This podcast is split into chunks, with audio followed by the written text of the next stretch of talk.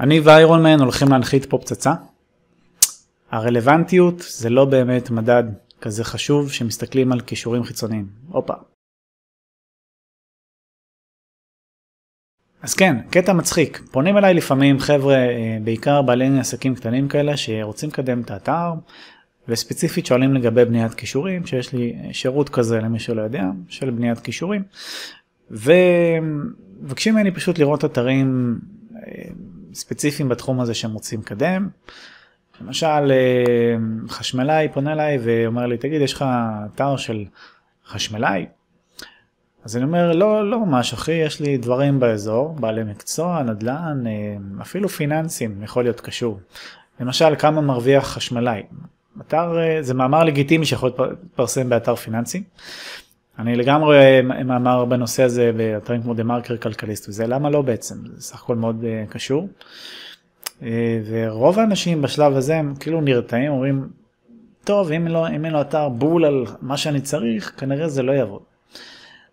ואז בא לי כזה להגיד להם, שמע אחי, אני מתערב איתך וחותם לך שזה יעבוד, בוא רק תנסה, תן לזה צ'אנס. אני רואה את הפרופיל כישורים שלו, יש לו אפס כישורים או שניים שלושה כישורים לאתר, ועוד נהיה לי בררן, כאילו עד היום מה הוא עשה בשביל אה, זה.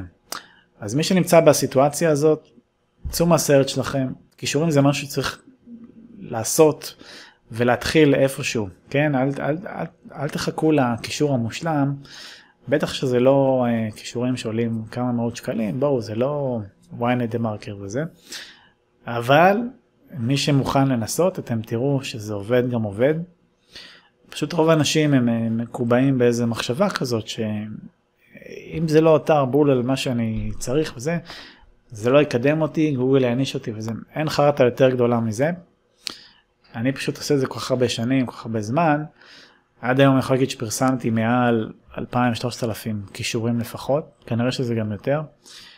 ואני רואה את הדברים פעם אחר פעם אחר פעם, זה נורא נורא עקבי וסיסטמטי. מה שאני יכול להגיד בנושא שה on-site הוא הרבה הרבה יותר חשוב. אם ה on-site הוא טוב, גם זה אמרתי את זה הרבה פעמים במהלך הסרטונים, אז קישורים יעשו את העבודה, גם קישורים בינוניים ואפילו פחות מזה, זה לא, לא שאני אומר תתפשרו על משהו בינוני, אבל בהנחה שהאתר שלכם מושקע עם תוכן, מבנה וכל דברים כמו שצריך, אתם לא צריכים כל כך הרבה קישורים וגם אלה שתעשו אתם לא חייבים שיהיו סופר סופר איכותיים ובטח לא סופר סופר רלוונטיים. הרלוונטיות היא מדד משני יחסית. גוגל פשוט מסתכל הרבה יותר על דברים טכניים, כמה האתר הזה חזק, כמה הוא סמכותי. למשל, קחו אתר כמו ynet, למה הוא רלוונטי? הוא רלוונטי בערך להכל. כן, דוגמה קצת קיצונית, כי זה אתר מאוד סמכותי, אבל זה בא להמחיש מה שאני רוצה להגיד. אני בטוח שאף אחד לא מתנגד לקישור מ-ynet או דה מרקר או גלובס, למרות שהאתרים האלה מדברים על, על הרבה מאוד תחומים שונים.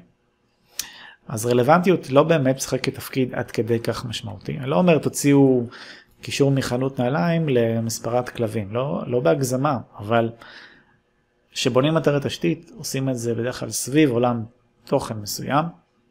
אם אני חשמלאי לגיטימי שאני אקבל קישור מאתר שעוסק בנדל"ן, עוסק בפיננסים, עוסק בצרכנות, בדברים שאפשר לקשר אותם אם אתה טיפה יצירתי ויודע לתת את ההקשר הנכון.